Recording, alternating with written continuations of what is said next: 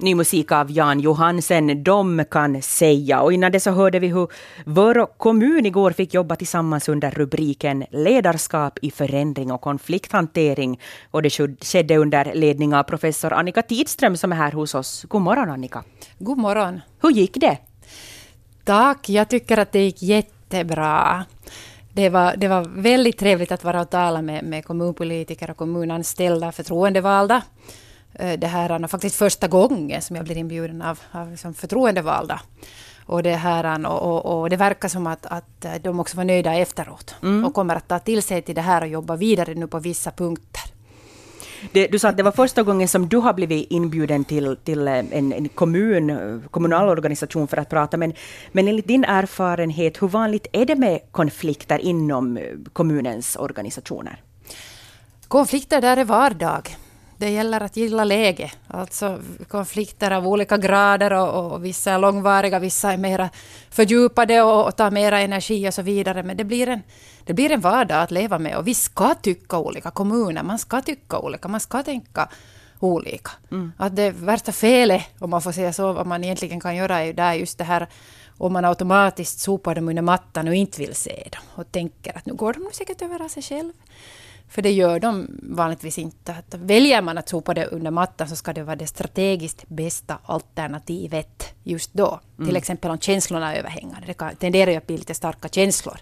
Någon har sagt att konflikten är 90 procent känsla, 10 procent sak. Så det kan väl kanske ibland gälla. Mm. Mm. Då får man sortera bort de där känslorna kanske om de tar upp 90 procent av... Ja, någon har väl sagt det att, att, det här, att man kan ju Frågan är kan man styra sina känslor, men man kan försöka namnge dem för sig själv mm. och sen kan man väl nog välja att ta det egna ansvaret att tidvis sätta dem lite åt sidan. Okay. Mm. Här i Österbotten så är ju till exempel kommunfusioner ett hett ämne just nu. Eh, och politiker kommer inte överens, men det gäller ju endast ett fåtal kommuner nu i alla fall. Va, vad tror du att det rör sig ofta om för problem? Vad är det liksom för, för saker som man inte kan komma överens om? Eh, det här med, med eventuella kommunsammanslagningar och så vidare, så är ju som du säger ett, ett väldigt känsloladdat tema. Eh, och, och, jag tror att det är en sak som, som spökar där i bakgrunden när vi uttrycker oss starkt och, och det, det, kommer olika starka åsikter där så är nog, är nog lite det här att vi, att vi vi vet hur vi har det. Det, gam, alltså det, det är lite motstånd mot förändring här alltså som jag vill mm. få fram. Vi vet hur vi har det. det, här, och, och, och det, det, är ju klart att det är trygghet, det är säkerhet i det system som vi har haft tidigare. Att det har funkat bra, därför tycker vi att det kanske ska funka bra också i framtiden. Eh, men nu är det så här att det enda som är konstant är förändring. Och, och, liksom, och, och jag tänkte pratade lite om det här igår, att det här med digitalisering, automatisering, konsolidering, större enheter av allt. Så det verkar vara trenden på mm. alla plan. Att ska vi med våld arbeta emot det, allt vad vi kan, så ja, jag tror nog det blir ganska svettigt mm. i längden. Ja. Det, det, det är liksom, ibland är det lite att gilla läge och se möjligheterna med det nya och kanske inte tala om förändring utan istället om förbättring. Men det kräver ganska mycket av oss det. Det kräver väldigt mycket. Det kräver väldigt mycket. Det är känslor, det är en stor sak. Det, kräver det, kräver det här att vi, vi tillsammans försöker ha en samverkande konflikthanterings, konflikthanteringsstil och kanske istället för att fundera på vad vi tycker olika om så ska man fundera vad man tycker lika om.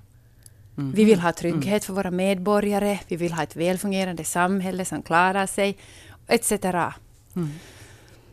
Eh, det är ju inte endast politiker och tjänstemän som kan vara oense med sina kollegor. Hur går man tillväga när medborgarna känner någon slags social oro och ett missnöje mot de folkvalda? Vi kan nu ta en skolnedläggning som exempel. Mm. Det brukar alltid få många mm. föräldrar att bli, bli väldigt förstås upprörda och, och känslosamma. Eh, kan konflikthantering vara ett hjälpmedel då också? Och i så fall hur? No, det tror jag definitivt. Och en, en sak som nog är väldigt viktig, konflikter och förändring går ju hand i hand. Alltså det är ju mm. bästa vänner. Och, och, och, det här, och, och i, i sådana här frågor så är nog det att det här med kommunikation. Kommunikation, information, ärlighet. Att man försöker fokusera så mycket som möjligt på fakta och minimera eventuell ryktesspridning, eventuella felaktiga tolkningar. Det här är nog A och O i, i, i sådana situationer. Mm. Men eh, det här med konflikter och samarbetsproblem, det förekommer ju som vi vet inte bara inom det kommunala. Var och en av oss upplever någon gång på arbetsplatsen känslan mm. av att liksom den här dialogen inte fungerar. Mm. Antingen med arbetskamraterna eller med chefen eller cheferna. Mm. Eh, vad kan jag göra för att förbättra arbetsklimatet? Uh, här vill jag för det första lite nästan nu citera den kände utbildaren Lars Losvik som, som, som lär ha sagt att det borde stå i varje människas arbetskontrakt att, att din uppgift är att bidra till arbetsvälmående, arbetsglädjen. Att alla har ju den, men vi kan inte ändå skapa den för varandra. Det är lite som de säger också i, på flygen att sätt masken först över dig själv och sen ska du börja ja, sätta precis. över andra. och det blir syrebrist liksom. Ja. Så att det här, jag tycker nog liksom lite det här med eget ansvar, att var och en kan nog själv försöka välja att vilja vara just en mm. del av problemet, eh, av konflikten, eller vill jag vara en del av lösningen. Och att, att våga säga, att våga fråga, att våga berätta sina känslor, hur man mår. För att eh, liksom, det är ganska sällan att man berättar åt någon på arbetsplatsen att hur man riktigt känner det man har det jobbigt, så man blir bemött på ett elakt sätt. Liksom. Men börjar man kritisera, verbalt attackera, då bemöter den andra personen en högst troligt på samma sätt. Så man kan lite välja där den gyllene regeln. Mm. Hur du bemöter andra så blir du bemött tillbaka.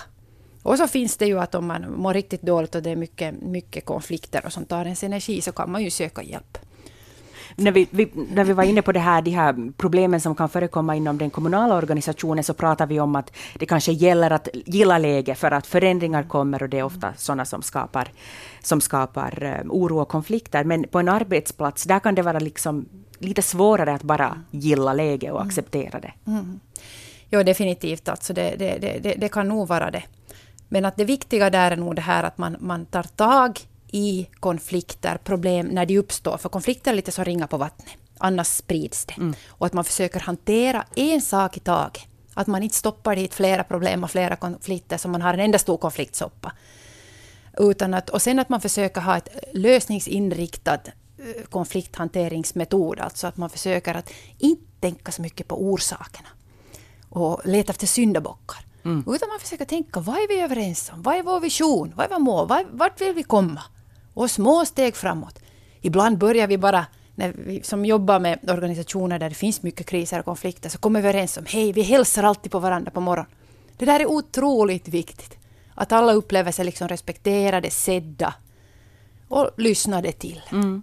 Det är jätteviktigt. Men inte för att vara negativ, men när får man då, när man har testat alla de här sakerna som mm. vi har pratat om, eh, se sig besegrad helt enkelt? Och, och kanske ge upp? Det där är nog en bra fråga. Uh,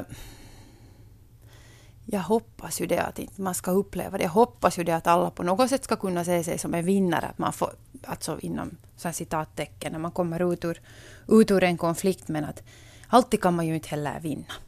Att, det här, att ibland lönar det sig kanske att ta ett steg tillbaka och riktigt mm. fundera hur viktigt är det här problemet och konflikten egentligen för mig?